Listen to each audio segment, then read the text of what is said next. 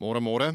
Ja, dat nou weer 'n nuwe sondebok na vore gekom oor die beerdkragkrisis in die land. Die minister van minerale bronne en energie, Gwerimantashe, het uh, oor die naweek het hy nou gesê, ehm um, dat beerdkrag die privaat sektor se skuld is. Nou hoe werk dit?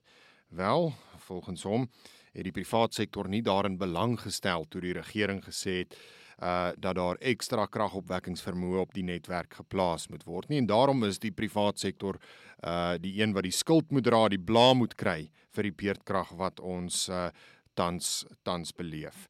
Ehm um, die regering het die proses vertraag in die hoop dat die privaat sektor sou belangstel volgens uh Kwedi Mantashe en hy is gister voor stok gekry in die parlement oor hierdie uitlatings wat hy gemaak het in daardie onderhoud en toe het hy teruggekrabbel daaroor natuurlik. Hy het gesê dit help nie ons uh, wys vingers na enige iemand nie dit gaan nie die beerdkragkrisis oplos nie. Um, maar Gwedi Mantashe wat probeer het en 'n poging aangewend het om weer eens uh, die blame te skuif weg van die regering af weg van die kom ons noem dit nou maar die ANC regering af na die privaat sektor die keer En natuurlik, hy sê ook nee, maar dit is nie om stemme te werf nie, dit is nie om voor volgende jaar se verkiesing uh enigsins pogings aan te wend om die regering te van enige blame te onthef oor die beerdkragkrisis nie.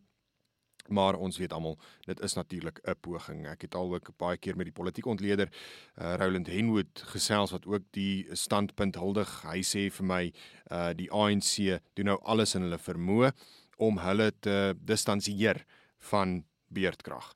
En uh die regering probeer dit ook doen, probeer baie hard. Daarom is Gossie en Tsora Makgopa ook in in in daardie pos. Hy moet nou al hy moet nou maar vir die vir die wickets keer en die res van hulle uh sal enige navraag oor Eskom en oor die beerdkragkrisis of die kragkrisis verwys na Gossie en Tsora Makgopa.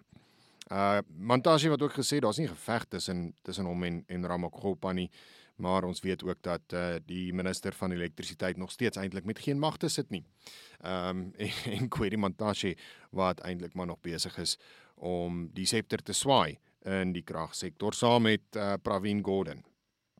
So uh Mantashe wat probeer om die blame te verskuif na die privaat sektor en uh opposisiepartye in die parlement wat nie daarvoor geval het nie en ek dink die privaat sektor wat ook nie daarvoor gaan val nie. Ek dink mense moet dit ook net in konteks plaas. Wanneer hy sê die privaat sektor het nie daarin belang gestel nie, dan het die privaat sektor nie belang gestel in die manier waarop die ANC regering wou hê dat hulle moes toetree tot hierdie uh, uh die, die kragopwekking sektor nie. Uh die regering wil natuurlik steeds alles in sy hand hou. Hulle wil daardie mag behou, die monopolie op kragopwekking. So hulle het sekere maniere gevind om om dalk die privaat sektor te nooi om deel te neem in hierdie bedryf. Ehm um, maar wat glad nie winsgewend uh of voordelig sou wees vir die privaat sektor indien hulle sou deelneem nie. En wat doen jy dan nou as 'n 'n besigheid? Jy besluit om nie daaraan deel te neem nie. So maklik soos dit. As daar nie enigiets vir jou in dit is nie, as dit net die regering is wat ehm um, voordeel trek hieruit, dan waarom sal jy deelneem? Nog 'n ander interessante storie en hierdie gaan oor ehm um, Mantashe se voorganger Mosebenzi Zwane. Hy is oor die vingers getik oor uh sy verbintenis met die Guptas en sy betrokkeheid by staatskaping Hy is destyds aangestel in daardie pos deur die voormalige president Jacob Zuma en die Sonderkommissie van ondersoek na staatskaping het hom beskryf as 'n Gupta minister. So daar's 'n redelike duidelike getuienis dat Mosebenzi Zwane direk betrokke was by die Gupta se poging om uh, geld vanuit die staat te steel om uh, sekere kontrakte na die Guptas toe te kanaliseer. En ehm um, hy's nou voor die parlement se etiekkomitee uh, uh skuldig bevind en uh eintlik maar oor die vingers getik. Hoekom sê ek oor die vingers getik? 5 dae se salaris wat hy beboet word. Ag shame. Is daar maar baie erg, nê? 5 dae se salaris. Hy mag ook vir 'n jaar lank nie deelneem aan 'n debat in die parlement nie en hy moet om verskoning vra. Nou om verskoning vra is baie maklik. Jy skryf net 'n brief aan die parlement en sê jy's jy's jammer. Ehm um, maar om deel te neem om om nie deel te neem aan 'n debat nie. Ek kan nie onthou wanneer het mos 'n Benzi Swane wel deelgeneem aan 'n debat in die parlement nie. So niks gaan daar verander nie. Op watter aanklagte is hy skuldig bevind? Wel die etiekkomitee het bevind dat hy uh, voordeel getrek het uh of voordele gekry het van die Guptas wat hy nie aan die parlement bekend gemaak het nie. Hy het onder meer uh reise, hotelverblyf, ehm um, sowel as 'n sjofeur van die Guptas ontvang wat hom rondgery het in 'n sewe reeks BMW.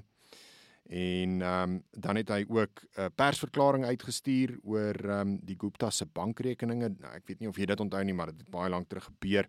Ehm um, hy het so 'n eensydige persverklaring uitgestuur waarin hy uh, die banke gekritiseer het oor die feit dat hulle die Gupta se bankrekeninge gesluit het. Hy moet om verskoning vra daarvoor.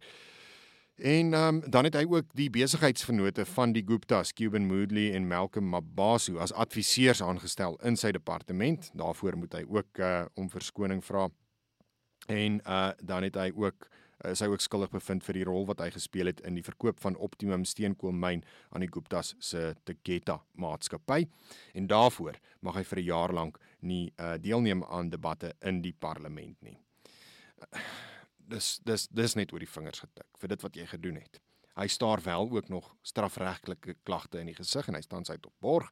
Ehm um, hy moet uh uh onder meer in die hof verskyn oor dinge wat in die Vrystaat gebeur het toe hy die destydse LER vir landbou was in die provinsie onder Ysmagashule. Nog 'n ander staatskapingskornuit wat ook vervolg word. So Uh hoewel die parlement hom nou oor die vingers getik het, is daar darm nog strafregtelike klagte wat meer ernstig is waarvoor hy ook uh 'n uh, groter boete in die gesig kan staar en selfs selfs tronkstraf. Dan kyk ons gou wat uh, gister in Johannesburg gebeur het en ehm um, soos ek gedink het sou gebeur is die uh raadsvergadering waar tydens 'n burgemeester verkies word vertraag uh en uitgestel tot Vrydag die partye kan nie ooreenkom oor 'n burgemeesterskandidaat nie en ek verwys spesifiek na die ANC en die EFF. Nou interessant, ek ek ek wil net fokus op daardie vandag, maar die ANC se eie raadslede in die Johannesburg Metro wat uh, gister uitgeloop het want hulle is ongelukkig oor 'n instruksie wat hulle ontvang het. Van wie het hulle hierdie instruksie ontvang? Van die ANC voorsitter in Gauteng, Panjasa Lesufi. En hy het gesê julle moet 'n uh, kandidaat steun van 'n kleiner party dit in 'n poging om die EFF se steun te kry en seker te maak dat die ANC saam met die EFF werk uh, en saam met hierdie burgemeester, hierdie marionet burgemeester van 'n kleiner party sou werk. Uh, maar die ANC weet en Panjasa hulle sou weet dat dit onmoontlik is vir hulle om 'n meerderheid te kry en om dan 'n burgemeester verkies te kry as hulle nie die steun van die ANC het nie. Hierdie ANC raadslede sê nee nee nee, dis nie hoe dit werk nie. Ons party het onlangs besluit by 'n UNK vergadering dat die party met die meeste setels moet die burgemeestersketting kry. En is waar, die ANC het dit besluit. Ehm um, en dit is hoe hulle koalisie politiek gaan benader. Uh dis maar dieselfde benadering wat die wat die DA volg, hoewel hulle dit nie so pront uitstel nie. Ehm um, wil die DA ook gewoonlik hê dat die party met die meeste setels uh se kandidaat as burgemeester aangestel word.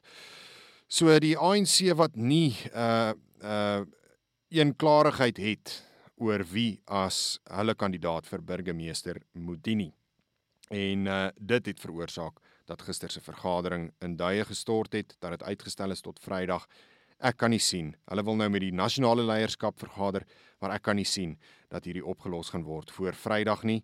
Uh en indien hulle dan nou wel moet stem Vrydag, is daar 'n groot moontlikheid dat ehm um, uh, Action SA kandidaat of dalk die DA se kandidaat uh, verkies kan word as burgemeester. Ek dink die die groter moontlikheid is natuurlik dat die raadsvergadering weer in duie gaan stort om die ANC nog tyd te gee om sy huis in orde te kry. Dis chaos, dis onstabiliteit, maar in hierdie chaos en onstabiliteit moet jy en maak jy seker en maak ons seker dat ons steeds bou vir 'n beter Suid-Afrika, vir 'n beter gemeenskap, vir 'n beter omgewing en jy moet maar jou deel doen waar jy kan. Uh, Moenie probeer om uh die olifant heel op te eet nie, eet hom maar stukkie vir stukkie. Soos altyd onthou groete by die huis.